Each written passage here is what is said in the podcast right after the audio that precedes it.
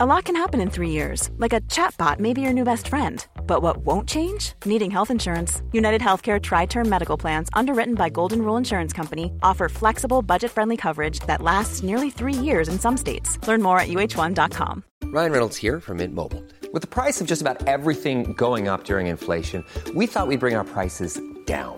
So to help us, we brought in a reverse auctioneer, which is apparently a thing. Mint Mobile unlimited premium wireless. Ready to get 30, 30, bit to get 30, bit to get 20, 20, 20, bit to get 20, 20, bit to get 15, 15, 15, 15 just 15 bucks a month. So, Give it a try at mintmobile.com slash switch. $45 upfront for three months plus taxes and fees. Promo rate for new customers for limited time. Unlimited more than 40 gigabytes per month. Slows. Full terms at mintmobile.com. Everyone knows therapy is great for solving problems, but getting therapy has its own problems too, like finding the right therapist, fitting into their schedule, and of course, the cost. Well, BetterHelp can solve those problems. It's totally online and built around your schedule. It's surprisingly affordable too. Connect with a credentialed therapist by phone, video, or online chat, all from the comfort of your home. Visit betterhelp.com to learn more and save 10% on your first month. That's BetterHelp H E L P.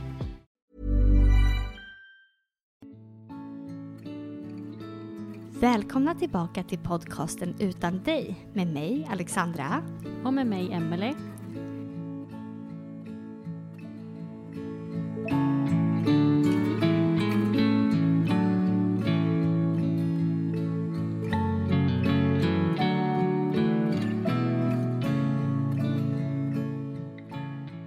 Idag har vi sjubarnsmamman Filippa med oss. Välkommen! Tack så jättemycket.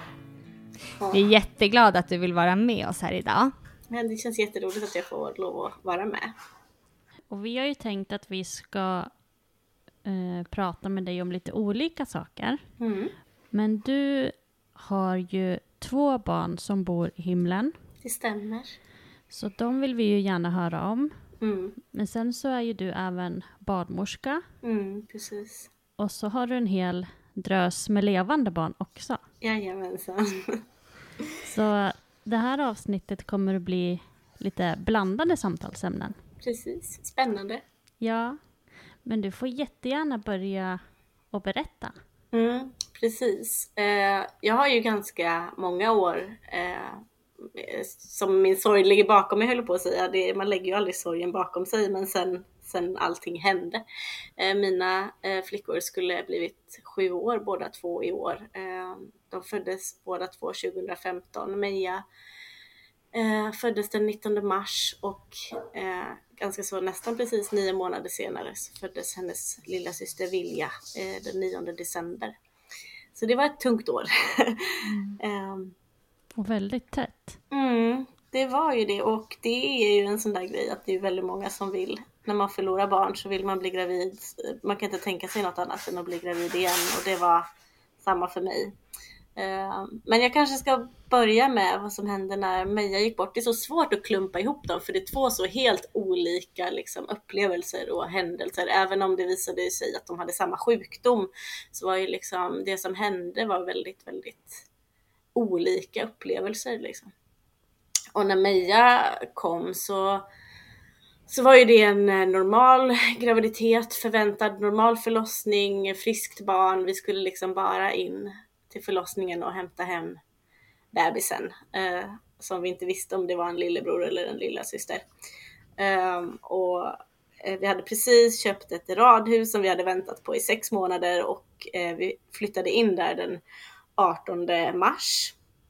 Eh, och jag var egentligen beräknad den 6 april så, så hon kom lite tidigt och när vi flyttade in så tänkte jag att men bebisen kan komma precis när som helst. Så att jag satt uppe hela natten och, och liksom skruvade bebissäng eh, och, och skötbord och dekorerade, liksom inredde bebisrummet. Eh, och mycket riktigt på morgonen eh, så vaknar jag med verkar i vecka 36 plus 6 och jag inser ju att det här är ju på riktigt, eh, bebisen kommer ju nu. Och det gjorde hon ju och allting löpte på jättefint och det var en sån magisk förlossning. Jag kände mig liksom sekunderna som innan jag förstod att någonting var fel eller innan alla förstod att någonting var fel liksom när hon, när hon var född. Det var liksom så, bättre än så blir det liksom inte. Men då ganska så fort efter att hon har fötts så märker de ju att det här ser inte bra ut. Så de navlar ju av henne och det enda jag tänker är bara nej, nej, jag vill ju ha sen avnavling. Eh, och så springer de iväg med henne till återupplivningsbordet och hennes pappa får ju följa med dit då eh, och se hur de jobbar med henne.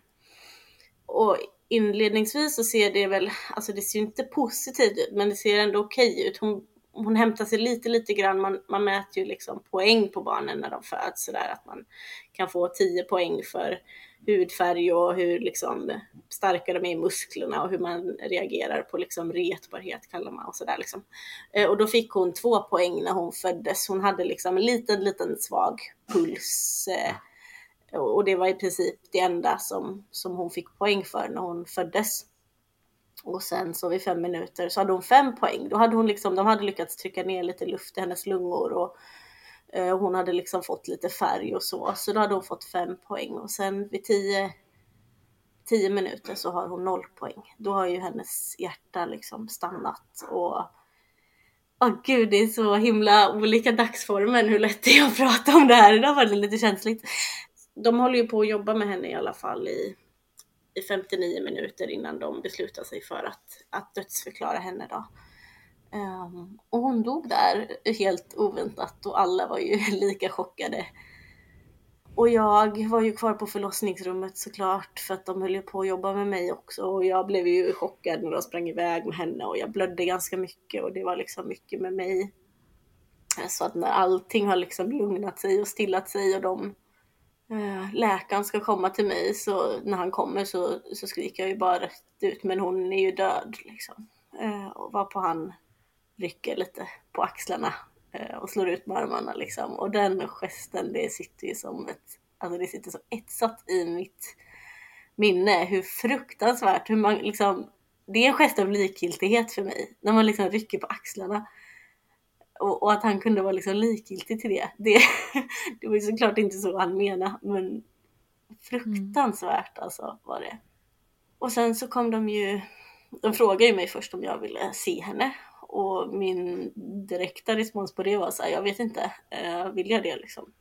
Och sen så kom de, sa de väl att men vi tycker ändå att det är bra om du gör det. Och så kom de ju in med henne och det var ju bara så omedelbar biologisk respons liksom. Jag så här slet av mig, jag hade ju inte ens hunnit få av mig kläderna för förlossningen gick så himla fort så jag hade ju liksom mitt linne på mig och jag bara slet av mig linnet och skulle ju ha henne på bröstet liksom med en gång. Och sen så hade vi henne hos oss i flera dagar. Vi, vi tog med henne hem och på sjukhuset har de ju en sån här Kubitus tror jag att den heter, den här lilla eh, kylväskan som ser ut som en liksom liggdel till en vagn nästan. Eh, och där fick vi eh, ha henne. Vi hade henne knappt där för att jag kunde liksom inte lägga ifrån mig henne. Jag höll liksom krampartat fast i henne de här dygnen som vi, som vi ändå hade tillsammans. Men vi fick ta med henne hem i alla fall, så vi fick med oss den där väskan och så åkte vi hem med Meja och eh, hemma så fick hon liksom ligga i sängen som var tänkt att vara hennes och hon, eh, hon fick sitta och titta på stjärnorna vid vattnet och vi gick barnvagnspromenad med henne och liksom vi ville verkligen skapa minnen med henne för att det var ju liksom det enda vi fick med henne. Så så gjorde vi. Mm. Och det hade folk väldigt svårt att förstå, eller vissa förstod väl men de flesta gjorde inte det och vi fick ju till och med kommentarer sådär att men så kan man inte göra med ett dött barn och att våran äldsta dotter Siri då som ju var eh, fyra år, hon, sk hon skulle tro att det var en docka och en leksak och så där kan man inte hålla på. eh, men för oss var det väldigt viktigt. Jag tror att faktiskt fortfarande att det var väldigt viktigt för Siri också att, att få vara delaktig i det. Eh, blev Mejas kropp liksom mycket förändrad på de där dagarna? Nej, hon, hon blev ju inte alltså hon, hon, alltså jag tänker att mycket har att göra med att hon levde när hon föddes. Hon låg ju aldrig död i, i magen som många andra barn har gjort och då är de ju liksom redan sådär lite sköra när de föds. Men hon var ju cirkulerad när hon kom ut så att hon var väldigt, väldigt fin. Hon fick liksom inga blåser eller liksom nej, hon förändrades inte så mycket på de dagarna som vi hade henne faktiskt. Eh, och, och, det var ju väldigt skönt. Sen så när man väl såg att hon började liksom eh, få blåsor och jag var inte beredd på det. Jag visste liksom inte hur, det, liksom, hur kroppen reagerar efter, efter döden liksom. Och, och då tyckte jag att det var väldigt, väldigt jobbigt. Jag vet, jag skulle sådär direkt efter förlossningen så gjorde de ju en sån här liksom gipsavgjutning typ på, på förlossningen men jag tyckte inte att de gjorde den så bra. så när, när hon var ett par dagar gammal så bestämde jag mig för att jag skulle göra en egen sån och jag, då tryckte jag liksom på hennes, åh oh gud det är så ont med, eh, på hennes ovansida fotryggen liksom ganska hårt för att jag ville ju liksom ha ett djupt avtryck och det de hade gjort det var så här himla ytligt liksom så man såg liksom inte ordentligt tyckte jag. Eh, mm. och då vet jag att, att hon tappade hud där. Um, och det var så fruktansvärt, kändes som att så här, nu har jag skinnflott mitt eget barn liksom. Mm. Men förutom det så var hon väldigt fin. Mm. Fick ni veta på varför hon dog? Nej, vi, vi valde då att inte obducera henne för att hon hon föddes liksom med en hel del yttre missbildningar. Eh, hennes knän var liksom ledade åt båda hållen och hennes höfter de hängde liksom helt löst. Det fanns liksom ingen stuns i henne liksom. Eh, och, och läkarna de var väl såhär, ja men det är ju sannolikt ett kromosomfel av något slag. Eh, och med tanke på att vi är unga och att ingen annan i våra släkt hade så var det liksom väldigt osannolikt då att det skulle vara något som, som var återupprepningsrisk på. Och vi var sådär när hon liksom, hon föddes, slets ifrån tryggheten upp på ett återlivningsbord med nålar och, och tub, de intuberar ju henne och, och liksom hjärtkompressioner. Vi bara så här, hon har liksom gått igenom tillräckligt, nu rör ni inte henne mer liksom. Uh, så vi valde ju att inte obducera henne. Utan vi kände liksom att men vi ser att hon är sjuk och det räcker liksom för oss. Och vi vet också att hon fick liksom bästa tänkbara mm, alltså möjlighet att hämta sig där. Liksom. De gjorde ju allt för henne och det var två narkosläkare och det var en barnläkare och det var liksom eh, och vi kände så att om hon inte klarade det där så hade hon inte klarat det. Liksom. Då spelar inte så stor roll varför för våran del och vi trodde ju då på att det inte var någon återupprepningsrisk. Så det kändes liksom ändå bra för oss. Sen så gjorde de ett ultraljud på hennes buk för de, de tjatade lite grann på mig. Läkarna tyckte att hon var väl ett ganska spännande exempel och de ville ju hemskt gärna obducera. Uh, men jag stod liksom på mig och det är liksom nej, ni, ni skär inte. Nej men kan vi få ta lite hälsena bara? Nej men ni får inte det liksom. Mm. Um, och, och då sa de, men kan vi åtminstone få göra ett ultraljud på hennes mage? Eh, och det tyckte jag väl att nej, men det var ju väldigt icke-invasivt. Det var ju liksom en snäll undersökning och ingenting som liksom skulle skada henne. Liksom. Jag tänkte att det, det kunde de få göra. Eh, och då tänkte jag att då är det ju en barnläkare liksom som, som gör den undersökningen. Men det, det var det inte, inte, utan vi födde ju på ett sjukhus utan liksom barnexpertis. Så att de skickade ju ner oss till liksom röntgenavdelningen på geriatriken, alltså läkaren som gjorde ultraljudet på hennes mage, han var ju, han har ju liksom aldrig gjort ett ultraljud på ett barn och, och, absolut inte på ett dött barn liksom. Så han satt ju liksom hela ultraljudet och bara, ja, ja, det här kanske är en njure, det här kanske också är en njure, i så fall så ser det här tokigt ut och det här kanske är, ja, jag vet inte hur stora organen ska vara på så här små barn. Och, och jag kände bara att det var så halvhjärtat, men det enda som liksom fastnade eh, i, hos mig, det var ju så här, ja den här, det här ser inte normalt ut ifall det här är njurar. Och jag är ju sjukvårdsutbildad då så att jag jag tyckte att men det är klart att det där, det är ju solklart att det där är en njure, vad skulle det annars vara liksom för struktur? Som du menar finns en likadan på andra sidan liksom. Eh, så det fastnade ju hos mig. Och när jag sen blev gravid igen väldigt snabbt då för att det som sagt var, det var ju, jag kunde inte se något annat eh, liksom, det fanns ju inget annat än att vi skulle få ett levande syskon som liksom all kärlek som bara låg och värkte i varenda cell i hela kroppen som bara sprängde. Det gjorde ju så fysiskt ont. Den ville jag ju liksom kunna lägga på något. och då, då var det liksom ett syskon var det enda tänkbara. Uh, och, och då när jag blev gravid med henne så var det ju lite sådär ja, jag var väldigt orolig för hennes njurar och jag pratade väldigt mycket om hennes njurar men, men läkaren som gjorde det här ultraljudet han hade ju bara skrivit liksom utan anmärkning i i journaltext så att det var egentligen mitt ord emot han, men han sa ju att det var något med hennes njurar, så varför har man liksom inte skrivit det? Varför är det liksom inte journalfört? Men man lyssnade väl lite halvhjärtat på mig och klappade mig på ryggen och sa så ja, det är ingen fara typ. Eh, och sen så fick vi en eh, organscreening som det heter. Istället för att man gör rutinultraljud så är det liksom en läkare som, som går igenom det. Eh, och då, då så, eh, så gjorde man ju det ganska tidigt, alltså innan ett, ett ultraljud normalt sett äger rum. Och då såg man ju ingenting utan eh, allting såg ju normalt ut. Men det hade det ju gjort på Meja också vid rutinultraljudet som vi gjorde i vecka 18. Så det var ju egentligen inte så oväntat utan det var ju först hon var ju så lite liten då när man gjorde det ultraljudet och då fick vi ett ultraljud i vecka 22 för att kolla extra på hjärtat för hjärtstrukturerna är ju ofta inte riktigt färdigutvecklade, de är väldigt svåra att se så tidigt så då fick vi ett extra ultraljud i vecka 22 och jag tyckte det var så skönt för att åh, då kommer man liksom få se en gång till att allting bara är bra men då var det ju inte bra längre.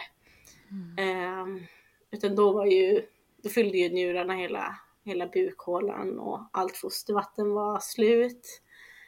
Och det var ju liksom inte, det fanns ju verkligen ingenting som alltså, skulle aldrig kunna klaras utanför magen och det var väl då man insåg också varför varför Meja hade sett ut som hon gjort, för hon hade väl legat liksom helt torrt utan vatten och, och därför så hade ju knäna inte liksom utvecklats normalt och, och höfterna var lösa för hon hade legat så trångt liksom.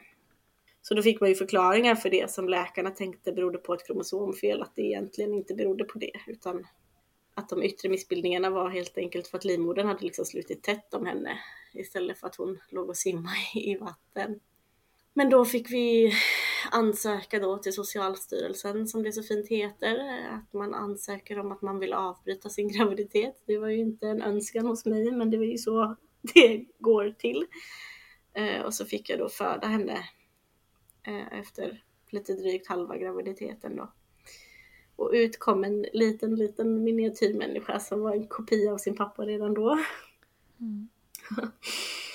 um, och det var samma där, det är också så konstigt att, att jag visste inte först om jag ville se henne. Eller det, jag, jag hade ju redan sett ett dött barn och visste ju att det är liksom det var ju det finaste jag sett och ändå så var jag så rädd när när hon kom för jag visste liksom inte vad jag skulle förvänta mig på något sätt. Och det var konstigt men sen så såg vi ju henne och det var ju, hon var ju det finaste och finaste. Såklart. Mm. Mm. Men på det där ultraljudet i vecka 22, mm. levde hon fortfarande då? Ja, hon levde ju fram tills eh, förlossningen egentligen.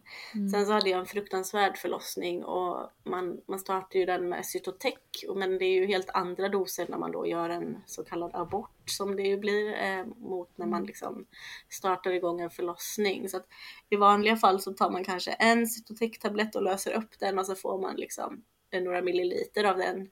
Eh, och jag fick ju fyra tabletter som man stoppar in vaginalt då. Så de sa ju till mig sådär att ja, men det här kan ta några dagar, så det, det var ju vad jag var beredd på. Men tio minuter efter att jag hade fått de där tabletterna så började min verk och jag säger min verk för det var en verk som aldrig tog slut och sen var det i fyra timmar eh, och så kom hon och det var liksom det värsta, värsta, värsta jag varit med om i hela mitt liv alltså. Eh, fruktansvärt. Och det kan jag sörja lite att vi inte fick den där fantastiska förlossningen som jag ju fick med, med Meja eh, när hon kom. För det är ändå någonting som jag bär med mig liksom idag. Att, att det var så himla fint att, att hon och jag fick ha en sån powerförlossning liksom. Eh.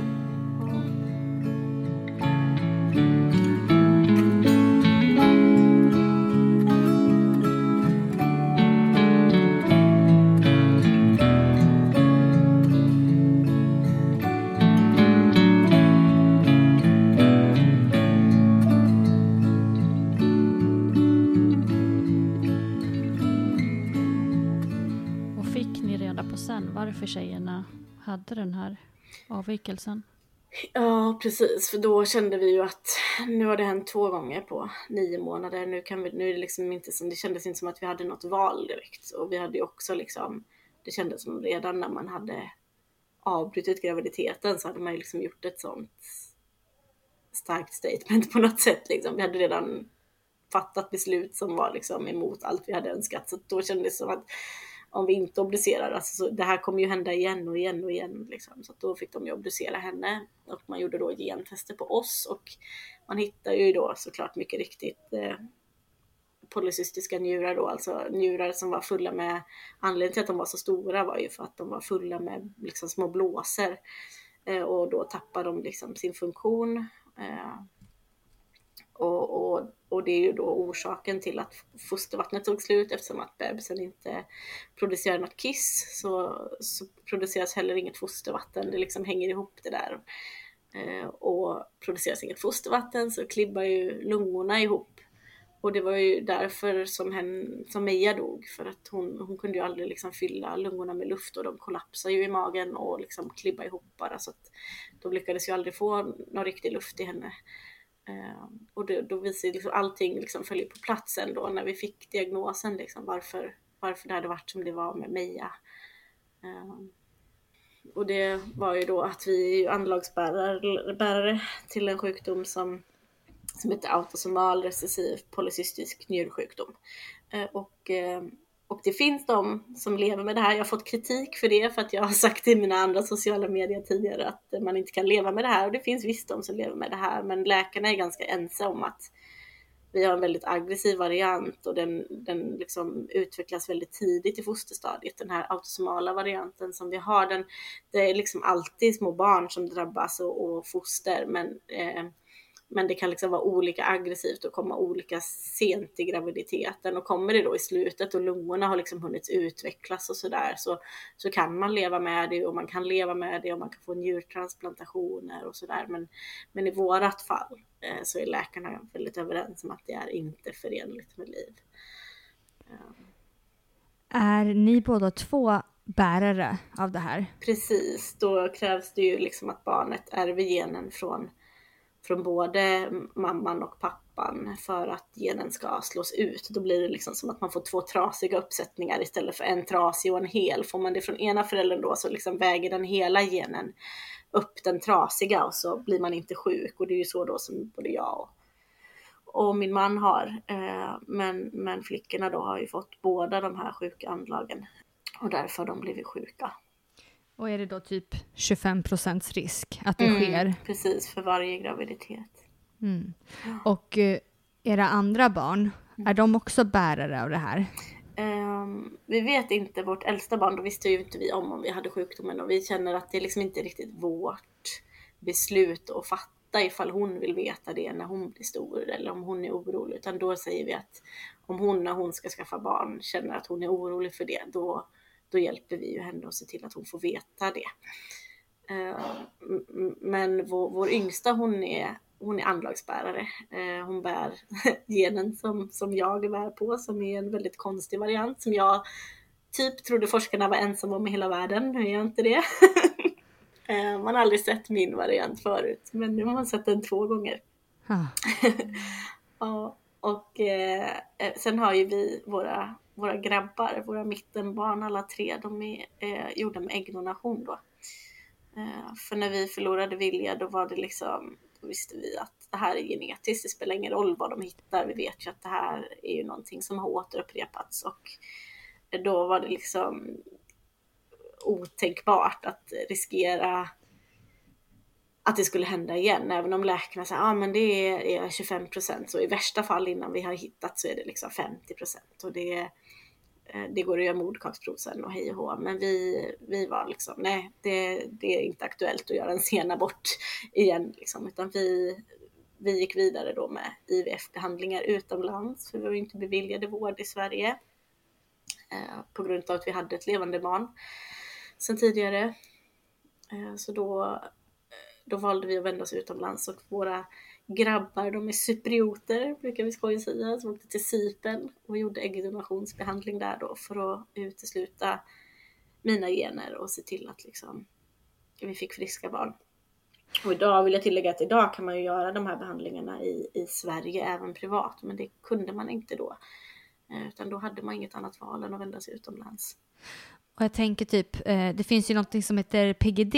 Mm, precis. Det var inget alternativ för er heller? Nej, då är det ju det där då att min gen eh, har man, alltså så här, eh, det, jag brukar eh, grafiskt visa det här med fingrarna men om jag försöker förklara det bildligt i, i text eller så, i ord istället då. Att eh, om man tittar liksom på en, en gen så är den liksom eh, styckad i olika delar kan man säga. Och, och på just den här genen så är det liksom en av delarna som man säger att ja, men, om den här är trasig, då slås den här genen ut. Eh, men om det finns något som är lite trasigt någon annanstans på genen så spelar liksom inte det så stor roll för den här specifika egenskapen. Eh, och Frans han har ju liksom ett fel, ett litet skav på precis det stället där man förväntar sig ha ett skav när man drabbas av den här sjukdomen. Men jag har ett skav som sitter på en helt annan av de här uppstyckade delarna på den här genen. Och forskarna säger att men det här borde inte spela någon roll. Det borde, genen borde fungera ändå.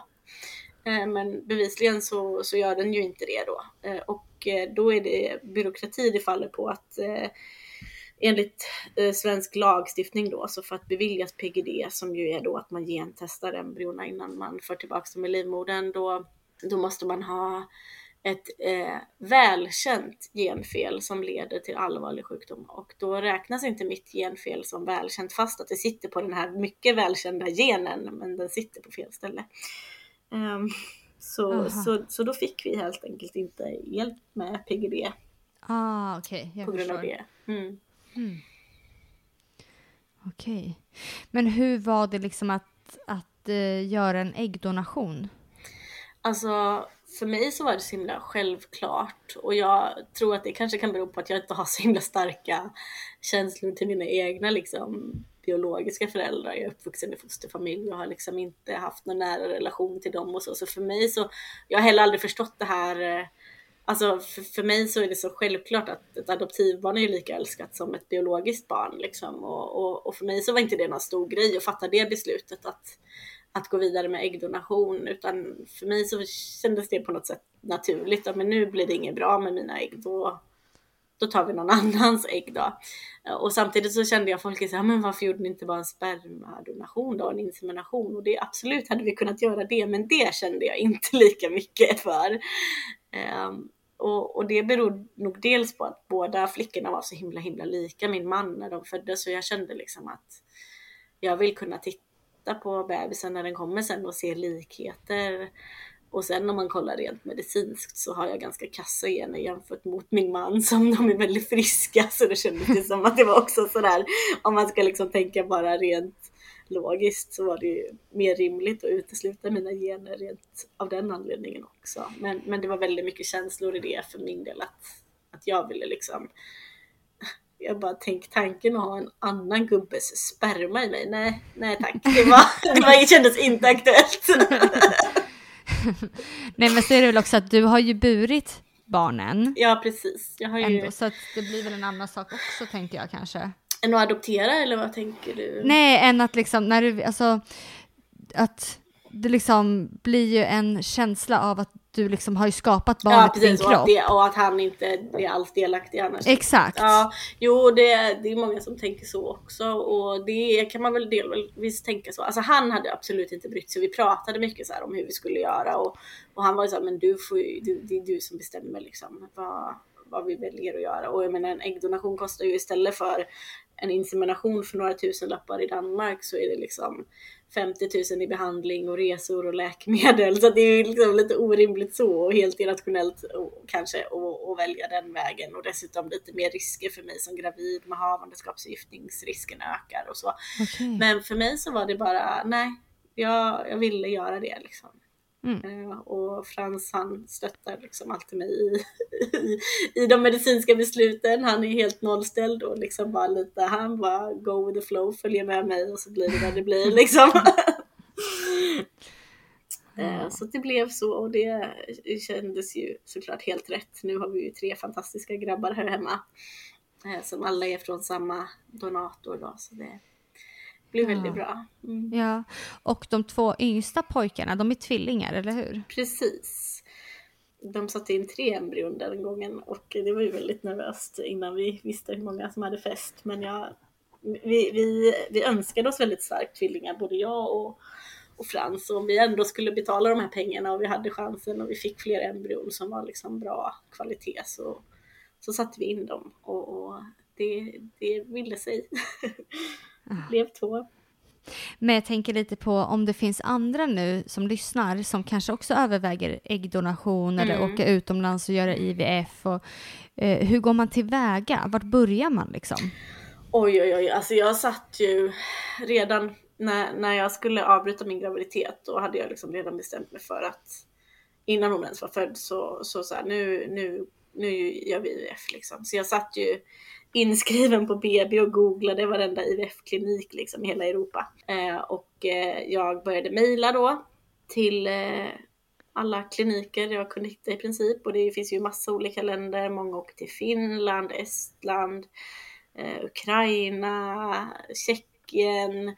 Alltså man kan åka precis vart som helst. Det finns jättemycket. Grekland har så här, många som har fått många missfall, de åker till Grekland för de jobbar lite mer med liksom immun och eh, de behandlar lite immunförsvaret där. De har en teori att liksom, det är immunförsvaret som attackerar graviditeten och sådär. Så att, eh, olika länder har ju också olika så här, specialiteter. Så att, där får man liksom, alltså jag googlade och googlade och googlade och sökte och sökte och sökte. Eh, och just när det gäller äggdonation så fanns det en sida som hette liksom Egg Donation Friend eller något sånt där. Eh, och där kom man i kontakt med väldigt många kliniker. Så att jag mejlade helt enkelt eh, och skrev med massa, massa, massa olika kliniker och läkare och koordinatorer och allt vad det var. Och till slut så föll det liksom ut så att det var sypen som jag fastnade för. Och varför det vet jag egentligen inte. Men det blev ju väldigt bra i slutändan. Eh, Men om man, om man liksom är, är, står på liksom på kanten till att liksom lämna Sverige och ge sig ut eh, för eh, IVF, så det är inte så avancerat som det låter. Det som kan vara krångligt det är ju om man vill ha sina läkemedel på högkostnadsskyddet. För det kan man få, men då behöver man hitta en svensk gynekolog som är villig att skriva ut läkemedlen åt den. Eh, Och Eh, Socialstyrelsen avråder gynekologer från att göra det. Så därför kan det vara lite klurigt. Eh, men, men bara läkemedel liksom till en IVF, det går ju på 10 till 20 000 ungefär beroende på vad man gör för typ av behandling då. Så det är ju inga små summor. Ready to pop the question? The jewelers at BlueNile.com have got sparkle down to a science with beautiful lab grown diamonds worthy of your most brilliant moments. Their lab grown diamonds are independently graded and guaranteed identical to natural diamonds, and they're ready to ship to your door. Go to BlueNile.com and use promo code LISTEN to get $50 off your purchase of $500 or more. That's code LISTEN at BlueNile.com for $50 off. BlueNile.com code LISTEN. Everyone knows therapy is great for solving problems, but getting therapy has its own problems too, like finding the right therapist, fitting into their schedule, and of course, the cost. Well, BetterHelp can solve those problems. It's totally online and built around your schedule. It's surprisingly affordable too. Connect with a credentialed therapist by phone, video, or online chat, all from the comfort of your home. Visit betterhelp.com to learn more and save 10% on your first month. That's BetterHelp H E L P. Ni fick ju också då, som du nämnde, önska att stoppa in fler embryon. Mm, precis. Och det kanske också är, skiljer sig lite från land till land, tänker jag. Väl, väldigt mycket skiljer det sig. Och, och att han stoppade in tre embryon där sista insättningen, det var, jag blev helt ställd. Han gick förbi mig i, i väntrummet där på kliniken och så, så tjoade han lite han Hello Filippa, today I plan for you three embryos. Och så gick han.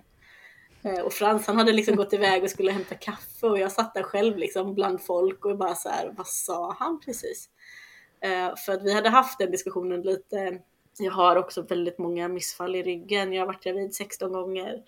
Ehm, så när vi skulle göra vår första insättning då efter att, att Vilja hade gått bort och vi skulle, den som till slut ledde till att vi fick Wilder, då, då hade vi fyra embryon eh, efter den behandlingen. Man får ju alla embryon som liksom produceras av, av ett äggplock på donatorn. Och jag, jag var så här, men sätt in tre för att jag vet att jag får liksom så lätt missfall. Jag tänker att då ökar vi chansen att det blir något kvar i slutändan. Liksom. Och han sa, nej men du är liksom ung och frisk och fertil och varit gravid jättemånga gånger.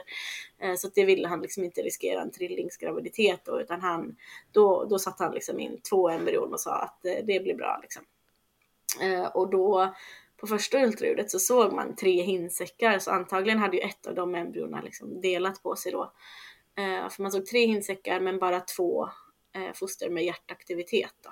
Och sen på nästa ultraljud vecka 10 då, då var det bara vilder kvar. Så att, eh, det var väl antagligen enäggstvillingarna där då som, som liksom föll bort. Det blev väl något fel när det embryot delade sig har jag tänkt liksom. Ehm, men så den gången så ville han inte sätta in tre och sen när vi kom då med tvillingarna då hade vi bara tre embryon och då, då hade han liksom tinat alla dem. Så när jag väl kom upp till insättningen så frågade han ju liksom, ja men vill du ha två eller ska vi ta alla tre eller vad? Ehm, jag bara, men vad händer med det sista liksom om jag inte sätter in det? Nej men det fick han ju kassera då för det var ju redan tinat och då var det ju liksom, nej det fanns ju inte på kartan att man skulle kasta det enda man hade kvar. Tänk om det inte hade blivit något liksom. Så då, mm då var det nervöst ett tag där fram till ultraljud. Ja. ja. Mm. Men hur, hur gör man för att liksom våga be om det? Eller vad man ska säga. Förstår alltså du hur jag det, menar? Ja, alltså det är nästan, alltså typ på sypen så är det typ rutin att sätta in två. Okay. Eh, och på många andra ställen också skulle jag säga att det är, är nästan rutin att man sätter in två. Och så var det ju i Sverige förr också. Men i Sverige så vill man ju då inte bidra till riskgraviditeter som det ändå är med flerbörd. Ehm, det ska man ju veta att det är ju en ökad risk och har man liksom förlorat barn som i vårat fall så kanske man inte vill utsätta sig för det. Men, men på något konstigt vänster så var jag liksom inte jag var inte rädd för det. Jag var rädd för väldigt mycket saker och man blir väldigt medveten när man har förlorat barn om allting som kan gå snett. Men just det var jag väldigt övertygad om att det grejar min kropp liksom. Eh, så det var något jag inte var orolig för. um, så att, uh, ja, nej men och vänder man sig utomlands så är det liksom ingen konstig grej utan man, man gör så liksom. Var du utbildad barnmorska? Nej, jag var inte det. Jag började plugga när, eh, när Wilder då, våra första, eh, vår regnbåge, Eh, när han var fem månader, då började jag plugga till barnmorska. Så jag var ju sjuksköterska och jag hade ett väldigt stort särintresse och jag hade en, en större kunskap än liksom vem som helst ska jag säga. Men jag, jag var inte utbildad barnmorska då. Utan, men när tvillingarna föddes, då, då hade jag tagit examen. Så då var jag barnmorska. Tror du liksom att all, all den här eh, erfarenheten eh, av dina egna barn har gjort att du har velat bli barnmorska? Alltså jag har alltid velat bli barnmorska. Uh, jag minns liksom när, när det hände, när det tjongade till i huvudet på mig och jag insåg att det är barnmorska jag ska bli. Och då var det, liksom, det var när jag gjorde min första gynundersökning när jag var 13 år. uh, och det gjorde jag för att min ungdomsmottagning hade liksom det som lite rutin. Så att man skulle, när man fick p-piller så tyckte de att det var bättre att man satt i gynstolen liksom som frisk första gången än att det skulle liksom vara något jobbigt som man behövde söka hjälp för och så ska man upp i den stolen. Så det var en ganska bra policy som de hade och så satt jag där och så höll ju då min barnmorska ett, en bimanuell palpation som det heter. Du vet man klämmer på magen och så känner man på livmodern inifrån slidan och så, så sa nu håller jag i din livmoder här mellan mina händer och då bara så här tjongade det till. Åh herregud det är barnmorska jag ska bli. Och så här, Åh, och där i ska det ligga en bebis. och då vill hon skriva ut väldigt mycket preventivmedel till mig.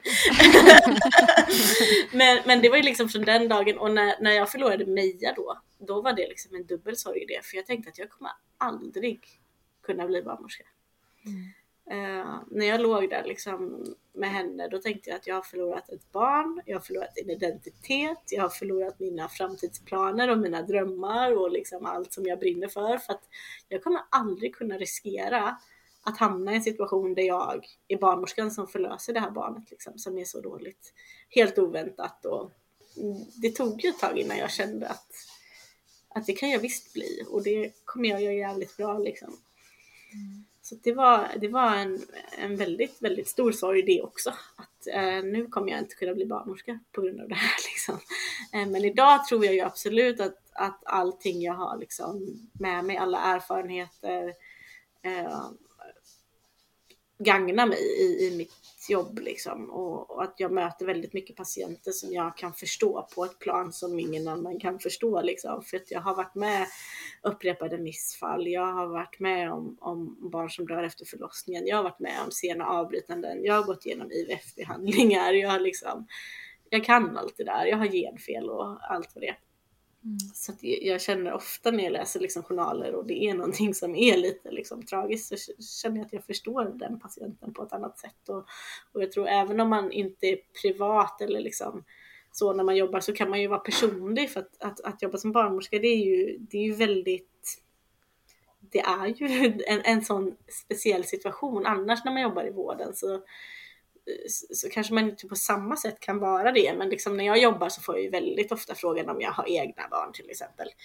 Uh, och det vill liksom de födande ofta veta. Sen så, så kanske inte jag säger ja, för två, två är döda liksom. Utan, men, men, men, man kan liksom bjuda på sig själv på ett annat sätt tycker jag som barnmorska än inom många andra vårdyrken.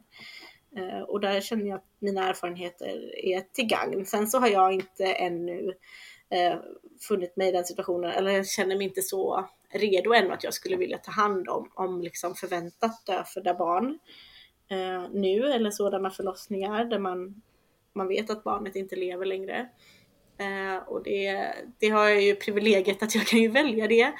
Eh, om jag inte är redo för det så kommer ingen tvinga mig till det liksom. Mm, men däremot så sådana situationer som, som jag, som vi var med om när Meja dog, det kan man ju inte värja sig emot. Och, och om, Gud förbjude höll jag på att säga, jag tror inte på Gud, men om den dagen någon gång kommer så kommer det vara fruktansvärt jobbigt för mig. Men jag vill tro att jag skulle liksom rent professionellt så tror jag att jag skulle göra bra ifrån mig och för det paret tror jag inte det skulle vara något problem liksom.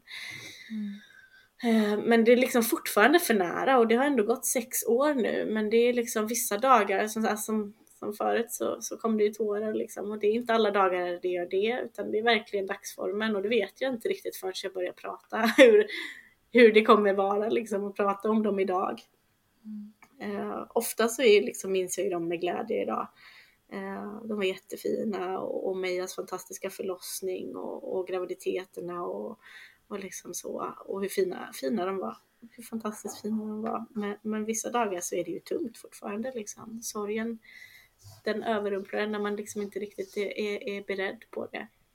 Tänker du mycket liksom hur de skulle ha varit om de hade varit i livet idag?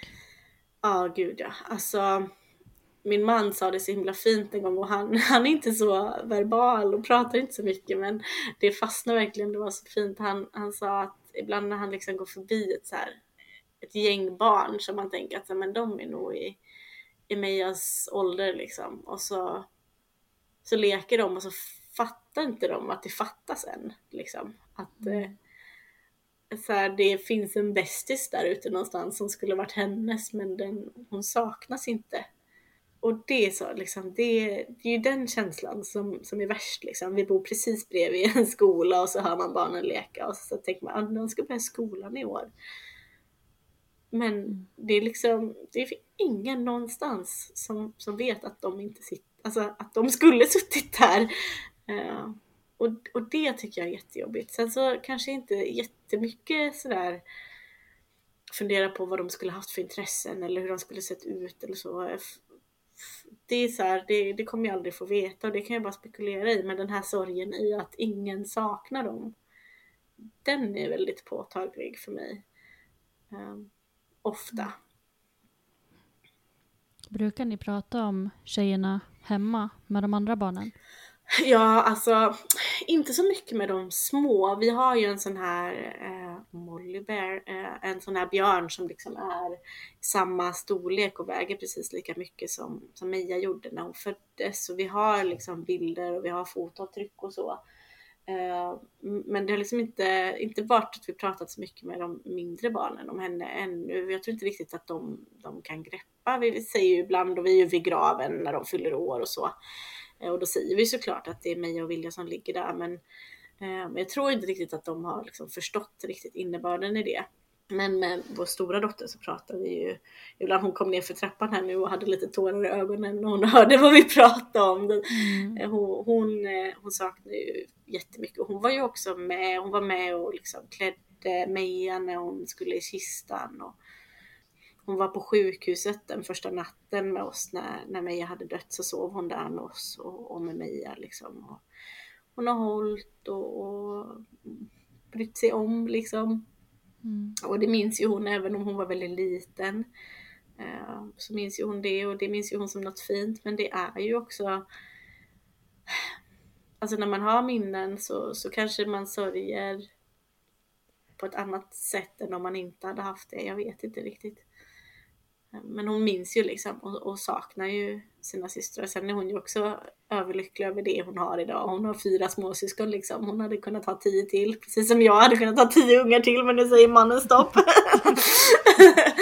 Eh, men, eh, nej, men hon är ju väldigt, väldigt medveten och vi pratar ju om det. Eh, inte jämt men ibland. Liksom. Har du några råd eller tips till andra som har förlorat barn eller anhöriga till andra som har förlorat barn? Um, alltså just det som, som vi gjorde och som jag idag är liksom överlycklig att vi gjorde, det var ju att vi skapade minnen verkligen med, med Meja.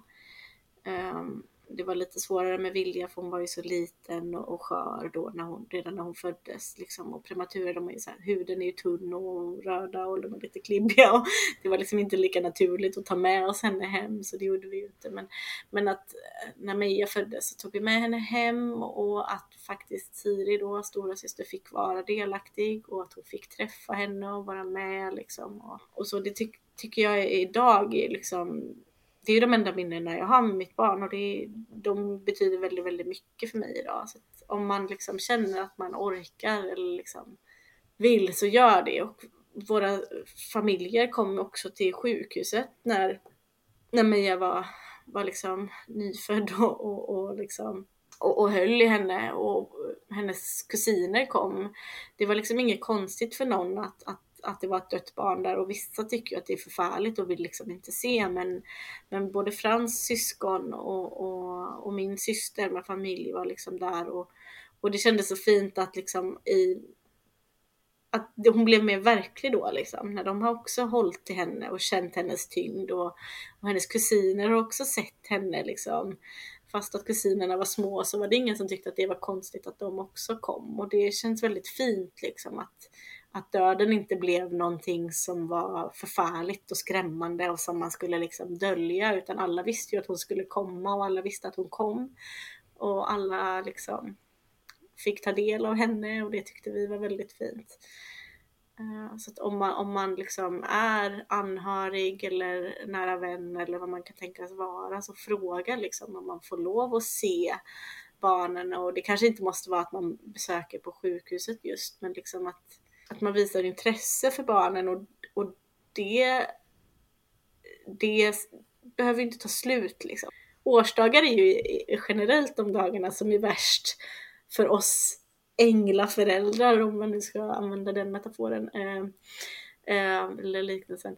Eh, och, och, upplever jag, inte bara hos mig själv utan hos de, de flesta som jag känner som har förlorat barn, liksom, att, att årsdagar är väldigt, väldigt tunga. Och och de blir ännu tyngre när man inser att det är bara jag som sörjer eller bara jag som minns liksom. Så att bara skriva in eh, barnens födelsedag i sin kalender och komma ihåg dem och säga vi tänker på Meja idag. Mm. Eh, liksom. Det tycker jag, att det, den lilla jävla efforten den kan man ta sig om man har en vän eller anhörig som har förlorat ett barn. Mm. För det tar inte många sekunder alltså. Nej, och det är vi nog väldigt många eh, som håller med om också. Mm. Så det är väl mitt absolut största tips. Öppna din kalender och lägg in en avisering varje år på det datumet. Eh, ja. Och så, så hör du av dig för att du kommer inte, alltså sorgen den finns ju där ändå. Du kommer inte väcka sorgen. Du kommer inte så här, du kommer inte göra någon ledsen. Ledsen är man ändå. Du kommer göra någon glad för att du minns liksom för att de får finnas hos dig också och inte bara hos mig.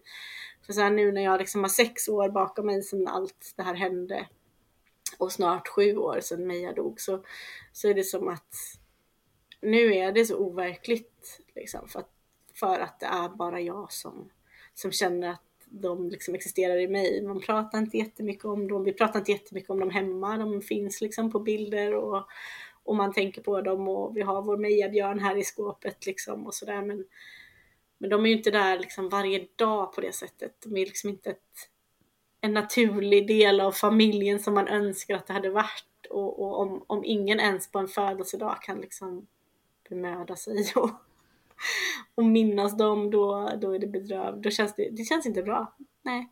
Mm. Är det någonting annat som du känner att du skulle vilja eh, lyfta? Så där, många är ju rädda för att, att prata och det, det, är så här, var inte det. Eh, prata om våra barn. För att det är liksom, vi har lika stort behov av att prata om våra döda barn som andra har att prata om sina levande barn. Så våga liksom, våga nämna dem vid namn och, och sluta inte med det. Och var liksom... Ja men våga liksom stå kvar och lyssna. Ja precis. Och, och när liksom, när man när du börjar tänka att nu känns det nog bättre, nu, nu mår hon nog bra, så, så tänk inte så, utan fråga och genuint lyssna. Tänk inte när hon svarar att det är skit, att ah, men fan ska hon gnälla nu igen, liksom. det har ju gått åtta månader. utan eh, sorgen, den som sagt och den, har vi ju, den lägger man ju aldrig bakom sig, utan den lever vi ju med resten av våra liv. Eh, och lika länge som vi lever med vår sorg så vill vi ju få lov att prata om den och om dem, liksom, tänker jag. Hur tänker ni? Mm, ja, ja absolut. Ja. Och det är ju verkligen återkommande, liksom att alla våra gäster här i podden vill ju alltid prata om sina barn. Mm. Och så tror folk att man inte vill det. Mm. Jättedumt. Det är så knäppt. Mm. Mm. Ja, då vill vi säga tack så jättemycket för att ja. du har varit med oss ja, ikväll tack. här. Tack så mycket för att jag fick vara med. Ja, tack.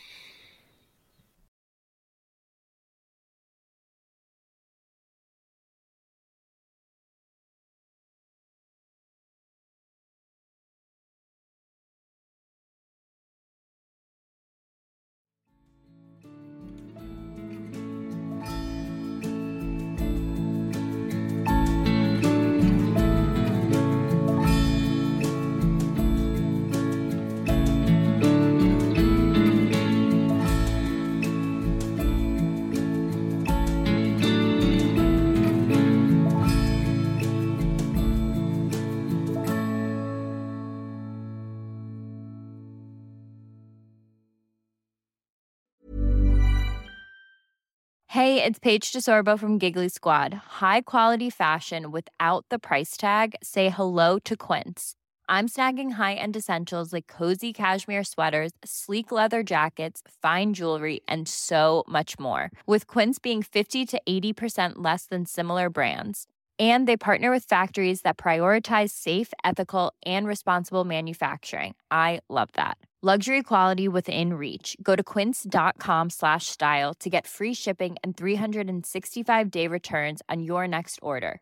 Quince.com slash style. Imagine the softest sheets you've ever felt. Now imagine them getting even softer over time. That's what you'll feel with Bowl and Branch's organic cotton sheets. In a recent customer survey, 96% replied that Bowl and Branch sheets get softer with every wash. Start getting your best night's sleep in these sheets that get softer and softer for years to come. Try their sheets with a 30-night guarantee. Plus, get 15% off your first order at bowlandbranch.com. Code BUTTERY. Exclusions apply. See site for details. Hi, I'm Daniel, founder of Pretty Litter. Did you know cats tend to hide symptoms of sickness and pain? I learned this the hard way after losing my cat, Gingy. So I created Pretty Litter, a health monitoring litter that helps detect early signs of illness by changing colors, saving you money and potentially your cat's life. Pretty Litter is veterinarian developed, and it's the easiest way to keep tabs on your fur baby's health right at home. Go to prettylitter.com and use code ACAST for 20% off your first order and a free cat toy. Terms and conditions apply. See site for details.